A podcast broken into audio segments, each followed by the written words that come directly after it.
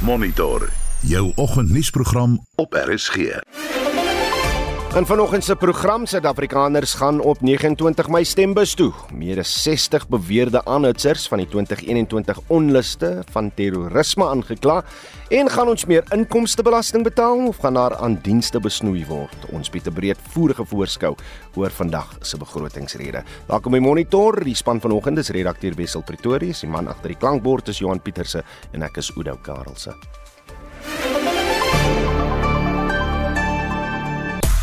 Vir sport maklik vir Mamelodi Sundowns in die Nedbank beker se tweede ronde.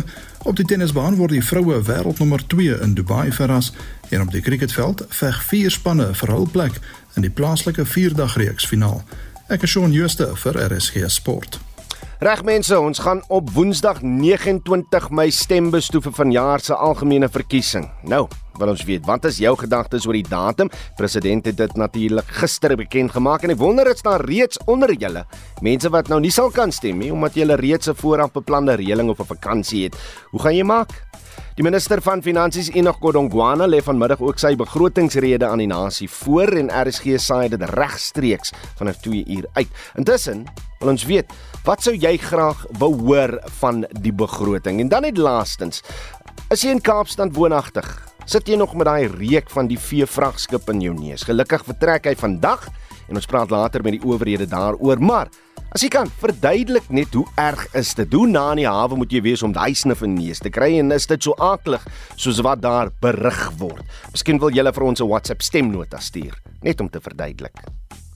076 536 6961 is die nommer of jy kan vir ons 'n ste stemnota as 'n SMS stuur uh na 45889 dit kos jou R1.50 per SMS. 16 miljoen 700 000 mense het in die 4de kwartaal van verlede jaar werk gehad, hoewel dit 22 000 minder was as die vorige kwartaal. Die aantal werklose mense het in dieselfde tyd gestyg met 46 eh, 000 tot 7 miljoen 895 000.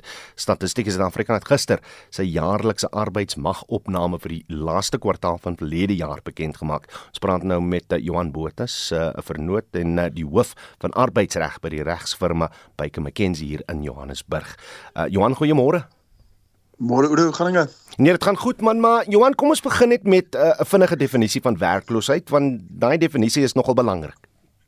In inderdaad, Oudo, nou as as mens kyk na die na die amptelike definisie van werkloos is, dan verwys ons na mense wat woonagtig is in Suid-Afrika tussen die ouderdom van 15 en 64 is wat nie in diens was in die 4 weke voor die opname gemaak is nie, maar wel aktief werk gesoek het of probeer het om 'n besigheid te begin en beskikbaar was vir werk, maar nie werk kon kry nie.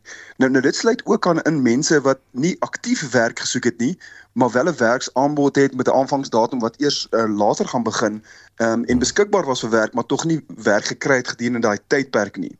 In in die uitgebreide definisie van van werkloosheid, ehm um, jy weet, sluit dan ook mense in wat wat al moed opgegee het, hmm. wat nie ehm um, wat nie meer werk soek um, want hulle voel net daar is nie meer werk vir hulle of werk wat geskik is vir hulle vir hulle um, vaardighede nie. En dis 'n belangrike onderskeid om te maak want mense kan die die syfers bietjie beter las, laat lyk as wat dit eintlik is, maar die syfers toon dat die werkloosheidskoers einde laas jaar effens gestyg het tot 32,1% vergeleke met die vorige kwartaal op 31,9%. So daar's 'n effense toename, waaraan kan dit toegeskryf word? Ja, Oude, nee, is reg inderdaad as ons kyk na die ehm um, werklose situasie, weet toe dit op sy ergste was in die in die laaste kwartaal van 2021, toe dit op uh, eh, 35,3% gedraai. Weet ons ons maak tog vordering as ons dit dit, dit vergelyk met waar ons was daar, maar ons het sekerlik nog 'n entjie om te gaan uh, voor ons weer by daai voor Covid werkloosheidsyfer kom van 29,1%. Weet ehm um, vanaf die derde uh, kwartaal in 2020 kon ons nie weer regkry om die werkloosheidssyfer onder 30% te kry nie en dit is sekerlik 'n bekommernis vir ons. Hmm. Hoe strook ons situasie hier in Suid-Afrika en die werkloosheidssyfer met 'n uh, soortgelyke ekonomie? Wel, ehm um, weet ek ek is bevrees oor as mense nou kyk na werkloosheid is ons um, is ons ongelukkig ook die wêreldkampioene daarso. Ehm um, weet in in in 19 uh, 2023 het die wêreldekonomiese forum voorspel dat die werkloosheidssyfer ehm um, die hoogste sou wees uh, in Suid-Afrika van die lande wat hulle meet. Weet ontwikkelende lande waarmee ons kompeteer soos Brasilië en Argentinië, weet hulle het hulle eie probleme, maar hulle sit tog met werkloosheid van minder as 10%. Wat werkwaardig is as mense in ag neem dat Brasilië 'n soortgelyke werkloosheid as Suid-Afrika gehad het 3 dekades gelede. Ehm um, lande soos China, Australië en Mexiko se werkloosheid is is minder as 5% en dit is sekerlik die rigting waarna ons graag wil wees. Ek weet jy werk in arbeidsreg, jy's 'n vernoot by 'n regsfirma, maar het jy enige menings oor uh, wat moet gebeur om die tendens om te keer? Ja nee, eh, sekerlik Oudo, hierdie hierdie raak ons almal nê. Nee. Ehm um, daar was 'n baie interessante studie gewees wat ek gesien het, ehm um, wat verlede jaar vrygestel is wat gekyk het na die relatiewe uh, aanloklikheid weet van werk in Suid-Afrika vir werklooses in vergelyking met 'n land soos Vietnam. Hmm. En daardie studie studie het gekyk na 'n uh, um 'n uh, 'n laag besoldigde werk uh, werknemer in Suid-Afrika en een in Vietnam en en bevind dat dit um, vir die persoon in Vietnam is dit aansienlik neem hulle aansienlik meer geld huis toe jy weet as wat 'n kollega in Suid-Afrika sou doen. Hmm. En dis grootendeels te wyte aan hoë inkomstebelasting drempel in Suid-Afrika van 80 uh, 18 18% weet teenoor 5% in Vietnam en ook die die hoë vervoerkoste in Suid-Afrika. So weet op intree vlak kan werk uh, werkers soveel as 57% van hulle salaris aan vervoerkoste betaal. So ons dink daar is beslis werk wat gedoen kan word um, in terme van inkomstebelasting weet die laafvrugte wat ons kan pluk hierso hmm. waar die minister die die inkomstebelasting drempel vir laagbesoldigde werknemers kan verminder en dit gaan nie 'n groot impak op die fiskus hê nie want meer as 80% van die inkomstebelasting word ehm um, word ingevorder van hoër belastingbetalers af. So ons dink beslis daar's werk wat gedoen kan word wat 'n daadwerklike verskil kan maak deur die minister net eh, 'n uh, vergunning te gee um, en en laer belasting te vra van mense wat nie uh, hoë salarisse kry nie. Wat dit meer aantreklik vir hulle sal maak hmm. om werk te soek in die werksmark te bly. Dis 'n interessante vergelyking want want as ek reg om te sê dat Vietnam se sosiale net veel groter is as Suid-Afrika per capita. Ek glo ek glo so. Ek is nie 'n uh, uh, uh, kundige en wil myself nou nie uithou as 'n kundige oor hulle ekonomie nie, nê. Maar maar sekerlik as kyk na daai studie, ehm um, weet jy dit dit vir my ehm um, penorent laat sit en sê, maar kan kan dit regtig so 'n groot verskil wees as ons kyk na hulle ekonomie en na ons ekonomie? Hmm. Ehm um, en ehm um, en en vergelykbare faktore. Weet en hoekom ons soveel slegter doen as hulle wat werkloosheid aanbetref.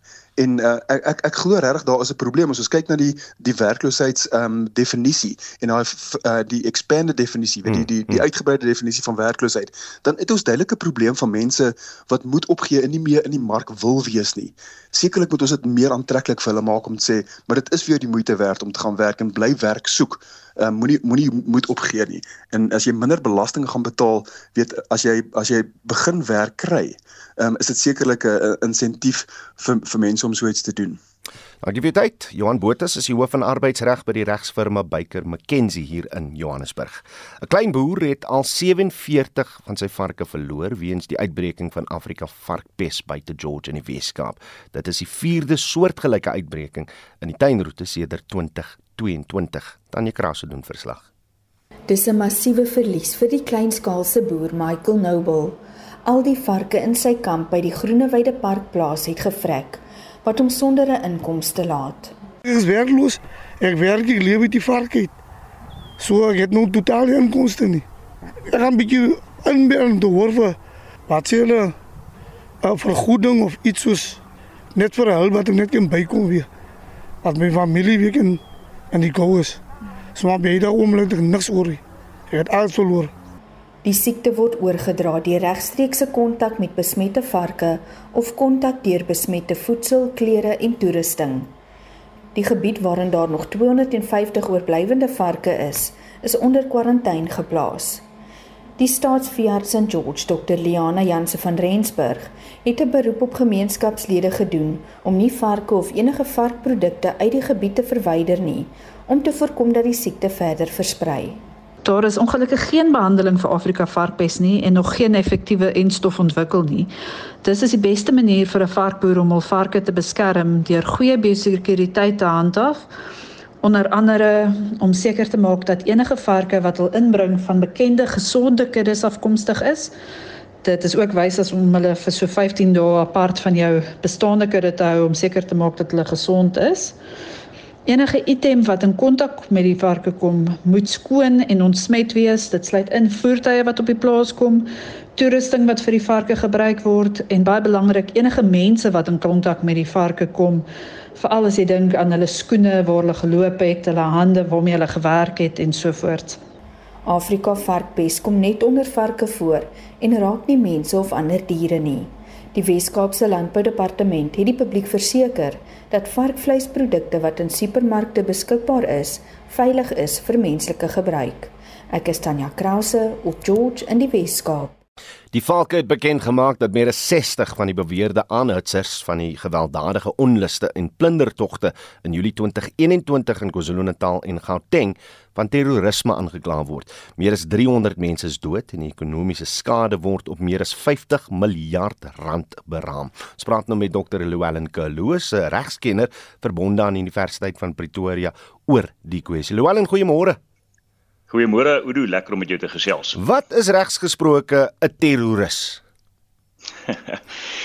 ja, dis natuurlik 'n baie vaag uh definisie uh en wêreldwyd is daar nie eensvormigheid en eensgesindheid oor wat presies dit is nie. Maar in Suid-Afrika het ons hierdie misdaad geskep uh in die in Wet 33 van 2004 en die Engelse uh wet is onderteken deur die uh, president en staan bekend as die Protection of Constitutional Democracy Against Terrorist and Related Activities Act. Hmm. 'n kort terroriste uh, 'n uh, wet. Nou dit beteken as jy gaan kyk na hoofstuk 2 van daardie wet, word die misdaad van terrorisme geskep. En maar daar word nie spesifiek gesê wat terroristes terrorisme sou wees nie. Hmm. Nou moet jy verder lees en as jy dan kyk na sê net maar artikel 1 1 sub 25 van die wet, dan gee hy 'n ellelange verduideliking wat dit presies is. Maar in kort, kom dit daarop neer dat die oomblik as daar enige handeling gepleeg word wat die beskermde belange van menslike lewe en eiendom in Suid-Afrika uh, benadeel tot so 'n mate dat dit 'n invloed kan hê op ons uh, demokratiese samelewing en selfs die sekuriteit van die staat, dan sou dit neerkom op terrorisme. Met ander woorde, as as ek reg om te sê en ek weet as nou al reeds een skuldig bevinding, maar gaan hierdie 60 sake dan lewe gee aan die wetgewing. Ja, kyk daar is nog nie baie sulke is, is skuldig bevindings bewerkstellig in ons geskiedenis nie. Onthou hierdie wet is maar eers in 2004 hmm. letterlik op die tafel gelê. En ek moet sê dit hou verband met baie ander internasionale uh, verdrae natuurlik ook. As jy kyk na die na die na die na die na die wet as jy hom as jy sommer net lees by die by by, by die eerste oogopslag. Maar dit gesê, ons weet dat daar ten minste een skuldig bevinding was onlangs waar uh, die persoon 12 jaar gevangenisstraf gekry het. Ehm um, luitenant uh, generaal Lebeye het gesê van die valke het natuurlik opmerking gemaak dat nou hierdie 60 gearresteer en ons gaan nou maar sien wat daarvan kom. Nou dis een ding om mense te arresteer, dis natuurlik 'n totaal ander ding om 'n skuldig bevinding te kry en ek dink dis waar die kruks van die saak sal lê as ons eers kan sien hoeveel uiteindelik skuldig bevind word. Ehm uh, maar dit gesê, daar's natuurlik ook hierdie twee spalk in die Suid-Afrikaanse reg op uh, opset uh die enigste uh, uh element van die misdaad is van uh, die element van skuld wat bewys moet word in die staat maar daar's ook 'n skool van dink van denke wat sê nee blote nalatigheid is al voldoende hmm. wat dit natuurlik baie makliker maak vir die staat om 'n skuldige bevinding te kry hoewel ek uh, ek ek natuurlik my voorbehoude het of dit 'n element behoort te wees van 'n misdaad. Dis mense wat klaar hoekom het dit so lank gevat vir die valke om uh, hierdie 60 uh, beweerde aanhitsers uh, uh, uh, uh, van terrorisme aan te kla Maar maar soos jy nou verduidelik, maak dit vir my eintlik sin. Hulle moet stadig en versigtig hier oor die klippe want want dis dis amper regspresident wat hier gestel word. Ja nee, absoluut. Uh onthou, ons moet nie uit die oog verloor dat die staat letterlik 20 jaar het om 'n vervolging in te stel vir enige uh strafregtelike misdaad, nie met die uitsondering van 'n paar wat natuurlik nooit verjaar nie. Hmm. Dis artikel 18 van die strafproseswet. Maar dit gesê, eerder stadig ondersoekwerk doen, dit behoorlik doen en die saak na die hof toe vat waarmee 'n aanklaer natuurlik 'n suksesvolle vervolging kan bewerkstellig. Want andersins is 'n neusie verby. Hulle het een kans om dit te doen en sou hulle dit natuurlik nie suksesvol uh, kry nie reg kry nie dan dan kan daar nooit weer daai vervolging ingestel word nie. Maar soos ek sê dit is makliker gesê as gedaan een ding om te arresteer 'n ander ding natuurlik uiteindelik om 'n skuldige bevinding te bewerkstellig. Hoe gaan die regsproses nou verder verloop, Louwelen, want ek neem aan hierdie hierdie aanklagtes is in verskeie provinsies gaan gaan 'n 'n hofdatum eenmalig bepaal word en sal almal saam in die hof moet verskyn al is dit nou op 'n op 'n streek op streekbasis. Hoe hoe hoe gaan dit hoe gaan hierdie saak werk? Ja, kyk, jurisdiksie word bepaal natuurlik waar die misdaad plaasgevind het. Dis gewoonlik die eerste en voor die hand liggende plek waar die vervolging moet plaasvind. Dis die eerste aspek. En dan natuurlik het die nasionale direkteur van openbare vervolging die prerogatief om te besluit in watter hof dit moet aangekla word. Sou dit die streekhof wees, sou dit die Hooggeregshof wees en natuurlik uh, dan sal die provinsiale en die plaaslike afdeling. So ook daardie diskresie is by die nasionale direkteur. Maar dit gaan verder as dit. Uh, om die waarheid te sê, die nasionale direkteur kan hulle gelyktydig aankla of uh, sy kan besluit uh, om hulle natuurlik af, af, afsonderlik mm, individueel mm. aan te kla in verskeie howe. So dit ons gaan nie weet voordat dit in plaasvind nie. Ehm uh, maar enige van bogenoemde opsies is natuurlik uh, ter sprake. Ek moet ook net bysê en dit ja. is 'n interessante ding miskien vir ons luisteraars vir die wat uh, ingeskakel is. Uh hierdie wet maak natuurlik voorsiening dat Suid-Afrika selfs ook uh handelinge wat in die buiteland gepleeg is wat sou neerkom op 'n oortreding van hierdie definisie van terrorisme soos wat dit gereflekteer word in die statuut oortree kan ons in Suid-Afrika vervolg. So dit is 'n die wet maak voorsiening letterlik vir 'n baie baie wye diskresie rondom jurisdiksie. Baie interessant. Ah, Llewellyn Kaloos, ek sê vir jou baie dankie vir tyd hier op monitor. Ons gaan hom dophou, maar ek is seker hierdie saak of sake gaan miskien jare neem om voltooi te word, né? Ja, Llewellyn is nou reeds weg. Hy's regskenner verbonde aan Universiteit van Pretoria. President Cyril Ramaphosa het aangekondig dat die nasionale en provinsiale verkiesings op Woensdag 29 Mei sal plaasvind. Die presidentsie sê in 'n verklaring Ramaphosa het met die verkiesingskommissie en al nege provinsiale premiers beraadslag oor hul gereedheid vir die verkiesing. Die OVK het na die laaste registrasie naweek aangekondig dat die kiesersrol die name van 27 miljoen geregistreerde kiesers bevat. Stemgeregtigde Suid-Afrikaners kan nog geregistreer kan nog registreer tot middernag van die nag wat die datum in die staatskoerant geproklaameer word wat na verwagting binnekort sal plaasvind. Politieke partye het die aankondiging verwelkom. Die leier van die Vryheidsfront Plus, Dr Pieter Groenewald, sê die sekerheid van die stemdatum sal momentum gee aan politieke partye, organisasies en die publiek, publiek liewer se voorbereiding. Wat politieke partye betref, kan daar nou beter beplanning gedoen word in terme van verkiesingsveldtogte wat sal kan opbou na die 29ste Mei. Daar is ook meer sekerheid by die kiesers in die opsig dat kiesers moet hulle self afvra waar is hulle die 29ste Mei in Suid-Afrika. Jy sal kan slegs stem vanaf die stempunt waar jy geregistreer is. Kiesers kan nou nog steeds registreer aanlyn op die webtuiste van die verkiesingskommissie en sou hulle byvoorbeeld in 'n proses wees van verhuising, kan hulle vanaand nog steeds registreer op die adres waar hulle gaan wees die 29ste Mei. Registrasies kan plaasvind tot by proklamasie en ons verwag dat die proklamasie hierdie Vrydag gaan wees. Daarom gee dit nog 'n geleentheid vir kiesers om te registreer by die punte waar hulle sal kan wees. En dan die stem van Dr Pieter Groenewald, die leier van die Vryheidsfront Plus. Wêreldnuus. Skeper sluit nou by ons aan met 'n oorsig oor wêreldnuus gebeure. Die FSA het die week sy eie konsepresolusie voor die Verenigde Nasies se Veiligheidsraad ter tafel gelê nadat hy vir die derde keer 'n konsepresolusie geveto het. Die keer een van Algerië, terwyl 13 ander lande waaronder Frankryk, China en Rusland ten gunste daarvan gestem het. Die FSA se VN-ambassadeur Linda Thomas Greenfield het hul standpunt verdedig. I understand the desire for the Council to act urgently, to positively shape the situation in line with the Security Council's mandate. Still, that desire cannot blind us to the reality of the situation on the ground. And it cannot come at the expense of undermining the only, and let me repeat, the only path available towards a longer, durable peace. And that is why you've heard me say over and over again any action this council takes right now should help, not hinder these sensitive and ongoing negotiations. Nou, die Wêreldhof in Den Haag uh, hou openbare verhore nadat die VN se algemene vergadering die hof se regsmening gevra het oor die wettigheid van Israel se besetting van Palestynse gebiede. Ja, Suid-Afrika se ambassadeur in Nederland, advokaat Wusimuzi Madonsela, het aan die internasionale geregshof gesê dat die onwettige besettings tot die voortsleepende kringloop van geweld van die afgelope 50 jaar gelei het. The Palestinian cause is one which resonates strongly with the people of South Africa. That is because the Palestinian struggle invokes mournful memories of our own struggle against apartheid, segregation, and oppression. Ours is an experience aptly referred to by the United Nations Security Council in 1980 as a crime against the conscience and dignity of mankind. Nou ja, Oudo Saudi-Arabië wat een van die invloedrykste lande in die Midde-Ooste is, het aan die hof gesê dat Israel vir jare al misluk het om enige vredesresolusies te aanvaar en moet verantwoording daarvoor doen.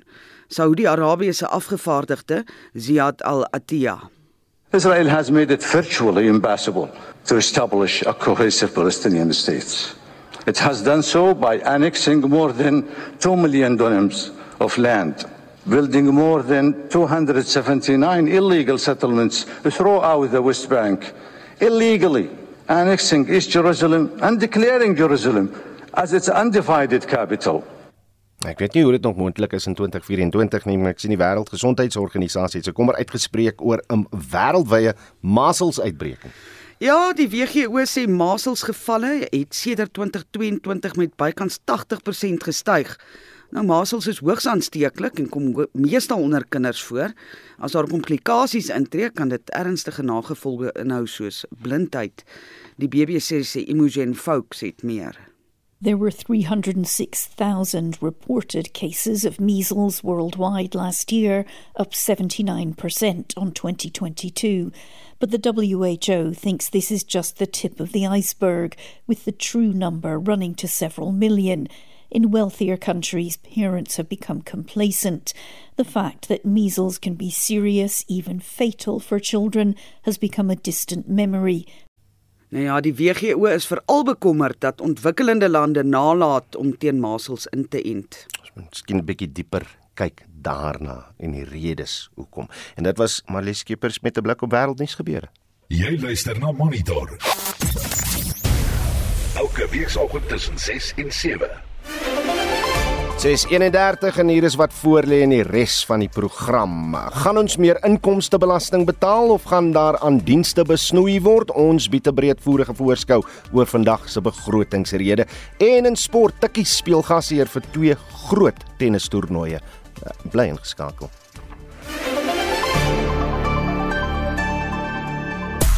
Reg as vanoggend so 'n paar goedjies waaroor ons met jou wil gesels. Eerstens, 29 Mei, hoe klink dit vir jou vir uh, ons verkiesingsdatum?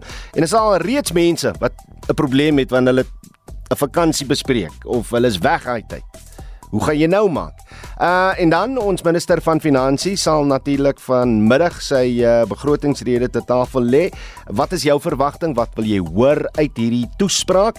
En net laastens, daai veevragskip wat nou uiteindelik Kaapstad hawe vandag hoor ons verlaat. En ons gaan binnekort met die dierebeskermingsvereniging praat daaroor. Daar word berig dat die die reuk aaklig is. Sien Kaapstad woonagtig is. Hoe hoe aaklig is daai reuk? Verduidelik vir ons. Gebruik jou woorde, stuur vir ons 'n stemnota of 'n SMS. Uh op die SMS lyn skryf 'n luisteraar uh oor die begroting. Ek sal graag wil hê dat uh, die kindertoelaag net vir die eerste twee kinders kwalifiseer. Mm.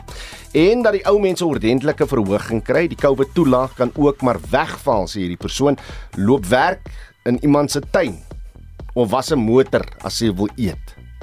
Yes, ons het nou vanoggend oor die arbeidsmag opname gehoor hoe uh, bitter graag mense wil werk, maar daar is nou net nie werk daar buite nie, maar ek hoor jou. Ek hoor jou, ek sien die mening. En dan skryf Una môre Ouda, ek was gister in Woodstock en het 'n reuk gekry. My hart pyn dat mense diere so kan behandel. Werklik geskok oor die mensdom. En dan vra luisteraar, wat is die webbladsy waar jy nog kan registreer om te stem? Nee, dis so goed. Goed om te hoor dat mense dit wil doen. Uh die web tuiste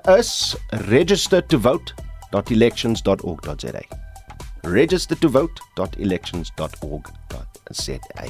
Stuur vir ons nog van julle SMS'e 45889 dis die nommer. Uh R1.50 per boodskap is soveel dit jou sal kos. Uh of stuur vir ons WhatsApp stemnota na 0765366961.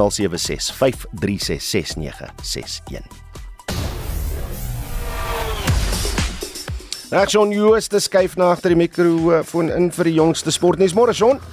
Goeiemôre Oudo. Mamelodi Sundowns, hulle wys hulle klas self sonder 'n paar bevande bevande spelers en Manchester City kruip nader aan Liverpool. Ja, Sundowns het die twee, die nasionale tweede liga span NB La Masia gisterand in 'n wegwedstryd verspot maar verspot maklik met 6-1 ter beter na die plek in die laaste 16 verseker. Sundowns breier Rulani Mokone sê La Masia se speltroon het hulle eie voorbereiding makliker gemaak. I haven't seen them play any other way. I watched four games and they play exactly the same way. Against Venda, they played away from home, played like, open possession, build-ups. Against JDR, same. Against uh, Tugs, same. Against uh, Sekukune in a friendly at uh, Johannesburg Stadium, same. Supersport United moes harder werk maar seëvier toe 3-1 na strafdoele teen Cape Town City. In Engelse Premier League as Manchester City nou slegs 1 punt agter die voorlopers Liverpool nadat hulle Brentford gisteraand met 1-0 geklop het. En dan was daar ook twee wedstryde in die Europese Kampioenligga se eerste been van die laaste 16 ronde. Inter Milan wen 1-0 teen Atletico Madrid en PSV Eindhoven en Borussia Dortmund het 1-1 gelyk opgespeel. Ons gesels binnekort met Andre de Beer by Tennis SA oor die ITF e vroue toernooi wat by die Universiteit van Pretoria gespeel word. So bly gerus ingeskakel daarvoor, maar daar is ander tennis ook uh, wat aan die gang is, uh, Shaun.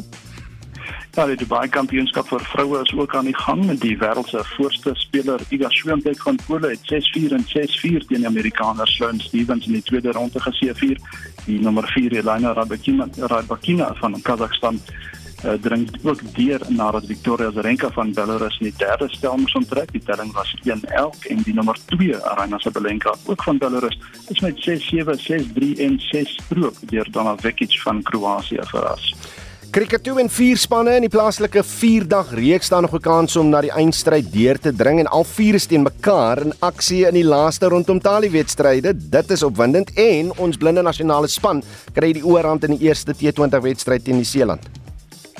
Ja, dat is uh, so amper 'n nie amptelike halfeindronde vir die top 4 spanne in die plaaslike 4-dag reeks. Die span bo in die punteleer speel teen die span wat 4de is en tweede speel teen derde. Die Dolphins stap op Nieuweland in Kaapstad teen WP op die veld uit en die Titans space op Supersport Park in Centurion teen die Lions. Hulle slegs 11 punte skei die vier spanne.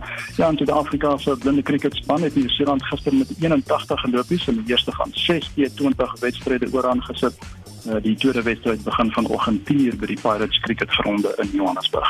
Reg, kom ons praat nou 'n bietjie daaroor. Die Universiteit van Pretoria speel weer gasheer vir twee tennistoernooie wat deel vorm van die ITF e reeks. Hierdie toernooie bied prysgeld van 40000 dollar. Dis meer as 750000 rand teen vandag se wisselkoers en ook uh, die geleentheid vir 'n plaaslike speler om hulle staal te wys teen internasionale oppositie. Ons gesels vanoggend met Andrei De Beer, die hoofprestasie bestuurder by Tennis SA. Goeiemôre Andrei. Goeiemôre. Hierdie toernooi het gister by uh Tikkies afgeskop. Twee Suid-Afrikaners is deel na vandag se tweede ronde. Wat kan jy vir ons van hulle vertel en wat beteken die toernooi vir vir tennis in Suid-Afrika? Ja, ehm um, wel uh in die eerste plek, ek dink dit sit werklik die kollig op vroue tennis in Suid-Afrika en ehm uh, jy weet dit is 'n dis 'n manier om die tennis nader te bring, jy weet aan ons hierso en dit dit bied 'n geleentheid vir die vir ons junior spelers om hierdie spelers jy weet in aksie te sien. So dit is dit dien as geweldige motivering vir hulle en dit is nie net iets wat hulle op TV TV kan sien nie, maar hulle sien hierdie spelers in lewende lywe en uh, hulle kan wel sien dat jy weet met harde werk kan ook daar uitkom. Hmm. Wat betref die twee spelers wat nog nog in die hoofloting is, dit is Isabella Creer van van Suid-Afrika. Sy het gister haar eerste ronde wedstryd gewen in die hoofloting en ook ehm um, die tweede speler is Lilitha Ndungane. Sy het sy het geweldig goed gedoen want sy moes deur die kwalifiserende rondes haar pad oop speel eers tot in die hoofloting en toe sy um, gister in die hoofloting ook haar eerste ronde ronde gewen. So hulle is die twee spelers wat nog in is. Andre rond van die publiek die toernooi tot dusver en as enigiemand dalk 'n draai wil maak, waar kan hulle kaartjies kry? Ja, nee, dit is dis maklik. Dit is by Universiteit Pretoria by Tikkie se se sportgronde by die tennisklubhuis daar by uh, Tikkies. Uh die toegang is gratis vir enige iemand wat wil wat wil kom en um, ek weet ook van plaaslike skole hierso wat hulle tenniskinders um kan bring om te kom kyk. So dit is dit is uh, baie maklik om te kom kyk, ja. Andreus, lieflik om hierdie hierdie toernooie te sien, maar gaan dit gepaard met uh, ander inisiatiewe of programme om jong talente ontwikkel? Ja, definitief. Um, ons het jaarliks uh, meer as 100 junior toernooie wat ons landwyd aanbied, wat Tennis Suid-Afrika landwyd aanbied. Dit is nou van onder 12 tot onder 18. Dan het ons baie goeie nuwe inisiatiewe ook begin, soos onder andere die Rainbow Kids program ehm um, wat ons in al die pro provinsies dryf en dit is maar eintlik vir die nog kleiner kleiner spelers, die jy weet die beginnerspelers. Dit is nou 6, 7 jaar oud en die sogenaamde rooi en oranje en groen bal hmm. uh tennis toernooitjies wat ons aanbied, uh jy weet die mini tennis. So uh, ons het 'n klomp ontwikkelingsprogramme ook aan die gang en baie inisiatiewe. Ons het 'n baie goeie ontwikkelingsprogram uh, onder andere hierso net noord van Pretoria in Hammanskraal waar waar ek self betrokke is by en dit is waar jy werklik talent sien en uh dit is daai kinders wat wat ons wil help om in toernooie te kom en om skole ligas te speel om en om uiteindelik ook miskien van hierdie toernooie te kan speel. En wat is tennis is as 'n langtermyndoel wat veral vir vroue tennis en hoe kan die sukses van die ITF 50 toernooi daartoe bydra? Wel weet jy ons beoog ons uh, beoog om meer van uh, van hierdie tipe toernooie aan te bied, ehm um, sodat jy weet ons meisies kan sien ehm um, wat vermag kan word. Ehm um, weet meer meisies sien basies nou die pad wat hulle moet volg om om professioneel te speel. En uh omdat ons dit aanbied, is dit geweldig voordelig omdat ons sogenaamde wild cards vir ons meisies kan gee. Ons het in hierdie toernooi het 15 van ons SA spelers uh SA meisies deelgeneem. Ehm um, jy weet so ons was baie goed verteenwoordig in die in die hoofloting en ook in die kwalifiserende loting. Ehm um, en dit gee ons die reg om vier soos in met hierdie toernooi vier wildcards te kan gee vir meisies om direk in die main draw te wees. En uh daar was 10 of 11 van ons ander meisies wat ons ook die kans kon gee om om te probeer om deur die kwalifiserende rondes te kom. So ehm um, omdat ons dit aanbied, uh jy weet het dit daai voordeel En uh, hierdie toernooi is een van die, jy weet, sterkstes in Afrika. Jy weet hierdie twee wat ons nou in 'n ry aanbied, dit dit is twee van die sterkste toernooie wat ons in Afrika het tans in 2024 en ehm um, dit gee vir ons ons meisies en ons jonges eintlik kans om jy weet junior wêreldranglys-punte te begin uh, opstapel want dit is maar uiteindelik wat hulle wil doen. Uh sommige van hierdie vrouens speel reeds in jy weet in Grand Slams van hierdie meisies was 'n uh, 'n uh, bronsmedalje wenners by die vorige Olimpiese spele. Hulle het sopas van die Australiese Ope afgekom. Ehm um, so dis geweldige sterk uh, vrouens wat hierso speel. So ek dink dit is 'n groot geleentheid vir ons uh, junior meisies om ook blootgestel te kan word. Ons wens julle net alles van die beste Andre de Beer van Tennis SA en ons kollega Shaun Jooste.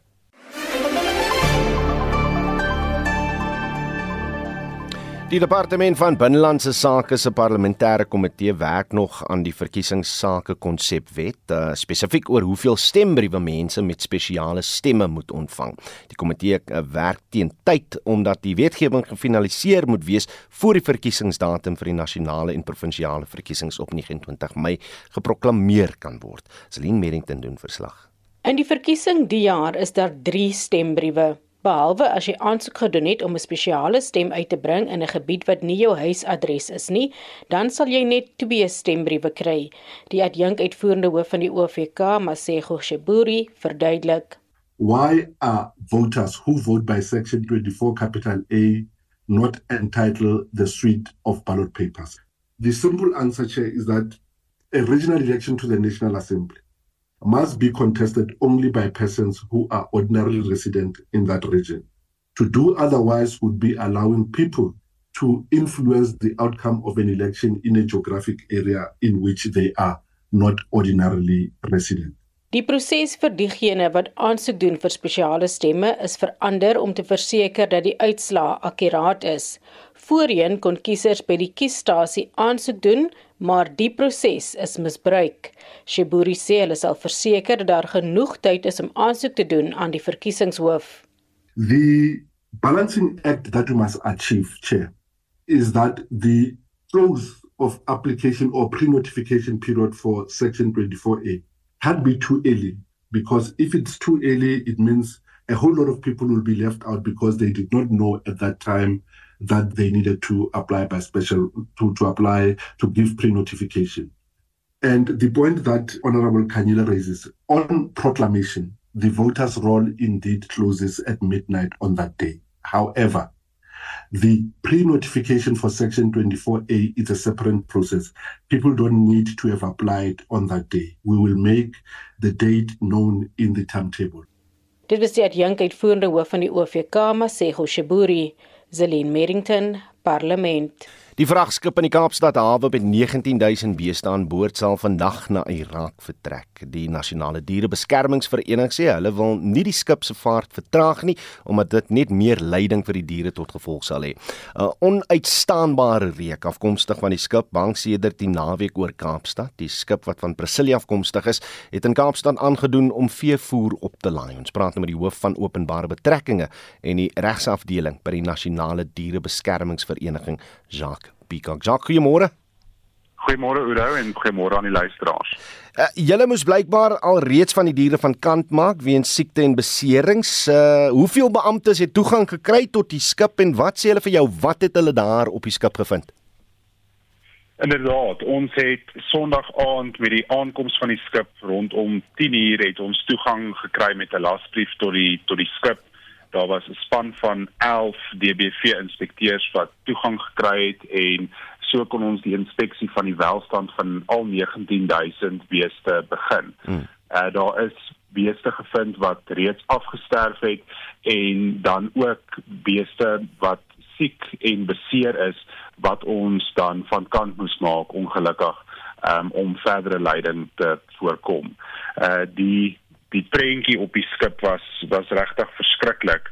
Ehm um, die eenvoudigste manier waarop mense dit kan verduidelik is as mens probeer slaap, maar die enigste plek waar jy jou kop kan neerlê is in jou eie ontlasting en urine. Ehm um, ons kan bevestig dat die skip vanoggend ongeveer 3 uur die Kaapstad hawe verlaat het en is dan nou op pad Irak. Okay, so hy's nou weg. Da, dan moet ek eenvoudig net vra, hoe, hoe word die vervoer van vee op vragskippe internasionaal gereguleer of moet so 'n skip aan ons regulasies voldoen as hulle hier kom vasmeer? In Suid-Afrika is daar slegs ehm um, daar is nie regulasies nie. Die NDBV hmm. het al ehm um, vir jare gevra daar moet regulasies wees in terme van die dierebeskermingswet. Ehm um, maar daar is soort van net riglyne hmm. vir die die vervoer van lewende hawe per se wat eintlik dit dit is wat die naam sê dit is 'n riglyn. Dit is nie uh, die wet uh, met 'n regulasie wat in terme van die dierebeskermingswet gemaak word nie. En uh, ons is dankbaar dat die regering as gevolg van hierdie insident die erns en die nood gesien het vir regulasies om dringend in plek gestel te word om 'n situasie soos hierdie te kan voorkom.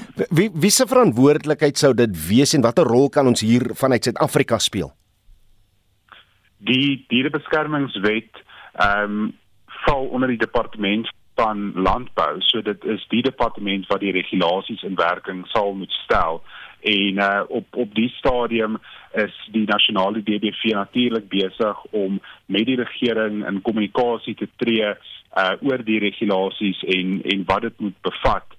Ehm um, dit natuurlik ook dit is 'n ander lyn mm anders as ons as ons litigasie in die Hooggeregshof uh vir 'n totale ban op die vervoer van diere per se um in in die toekoms in. Uh, die, die skip het nou soos jy sê vanoggend reeds vertrek, maar kon julle enige aksie neem? Kon julle optree teen die eienaars of die bemanningslede van hierdie skip?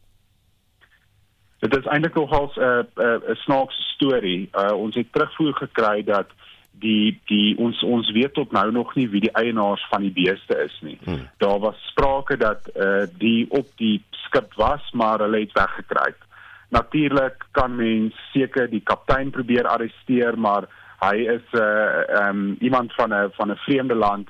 Ehm um, so die gevolg is hy mens uh, kan arresteer hmm. uh en hy gaan weer terug na die land waar hy vandaan kom en die skipmaatskappy stuur net nooit weer dieselfde kaptein nie.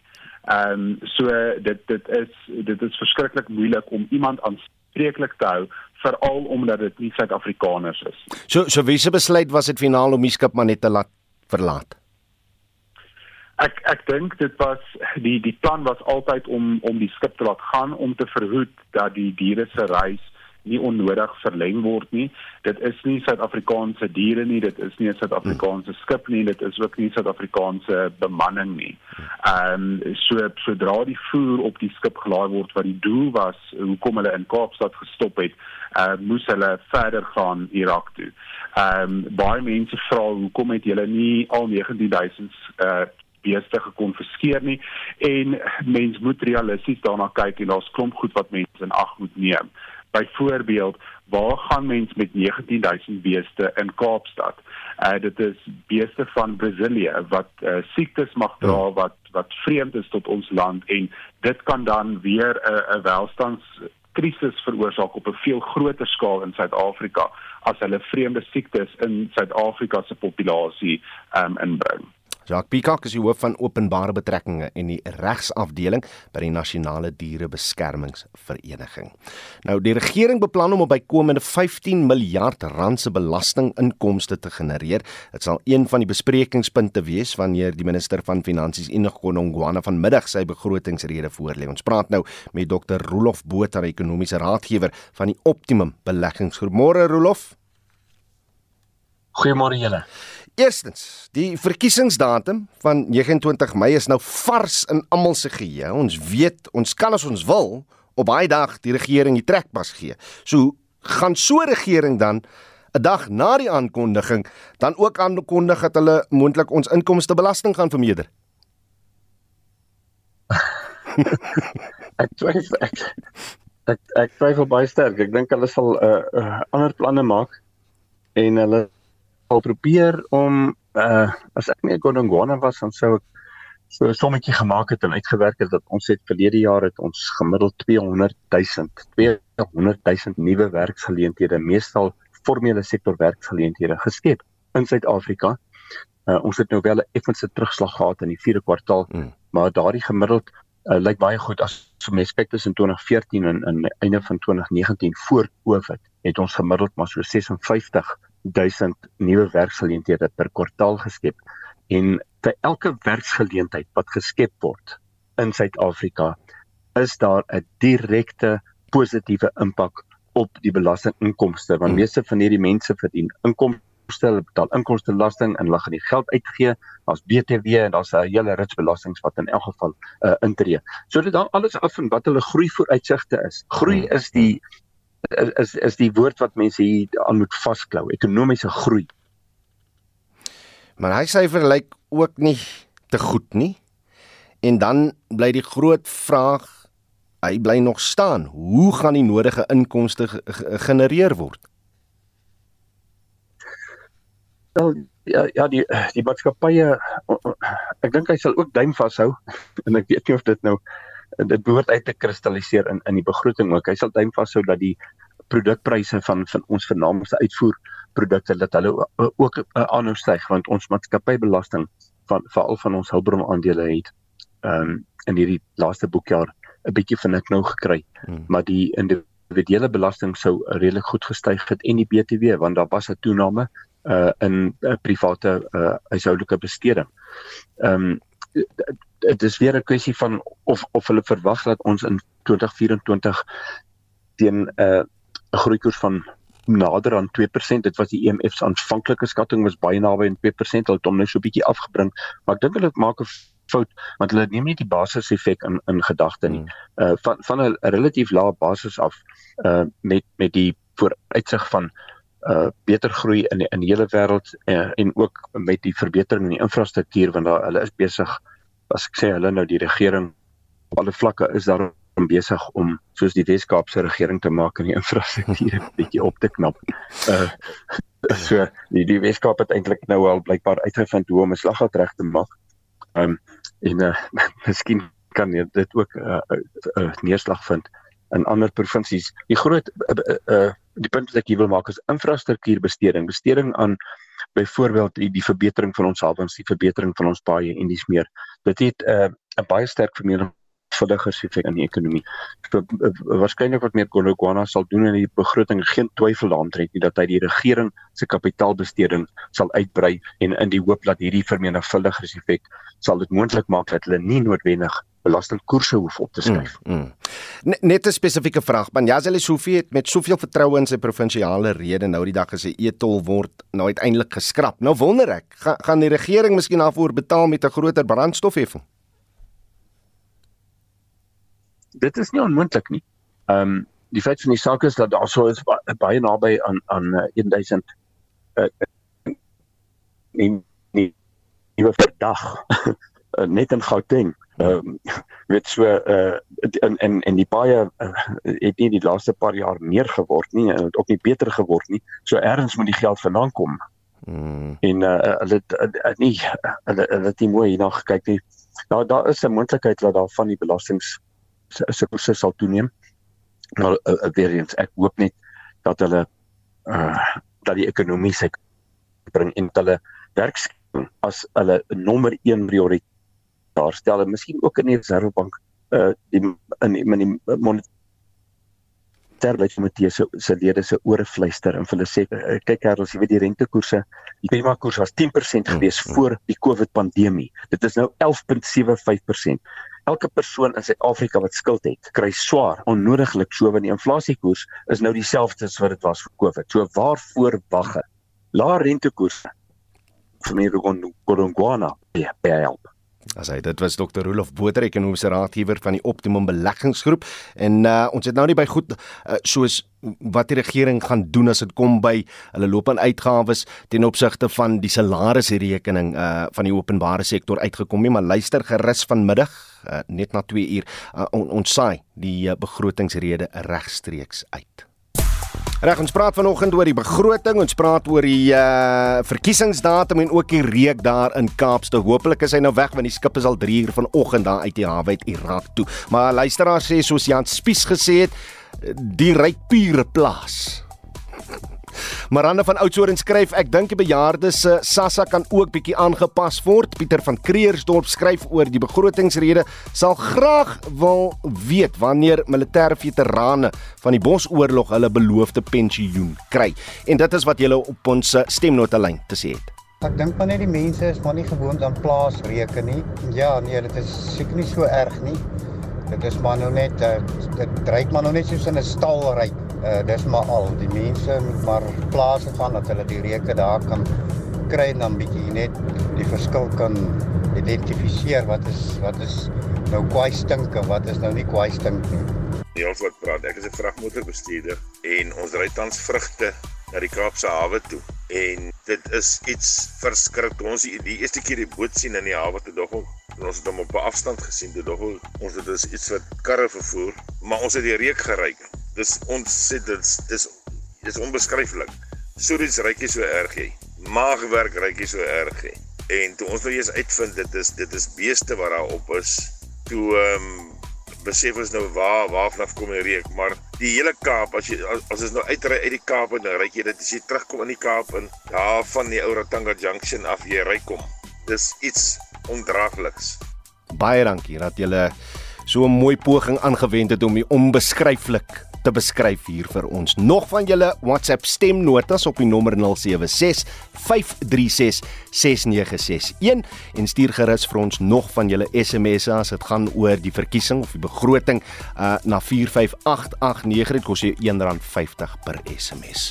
Onthou nou net na 12 uur vanmiddag Die begrotingsrede word regstreeks uitgesaai op RSG. Ons groet dan namens ons uitvoerende regisseur Nicoline Lou, ons redakteur vanoggend Wessel Pretorius, ons produksieregisseur Johan Pieterse en ek is Oudo Karel. Se geniet die res van die dag in die geselskap van RSG en onthou vorige uitsendings van al ons nuus en aktualiteitsprogramme is beskikbaar as 'n potgooi op rsg.co.za. Totsiens.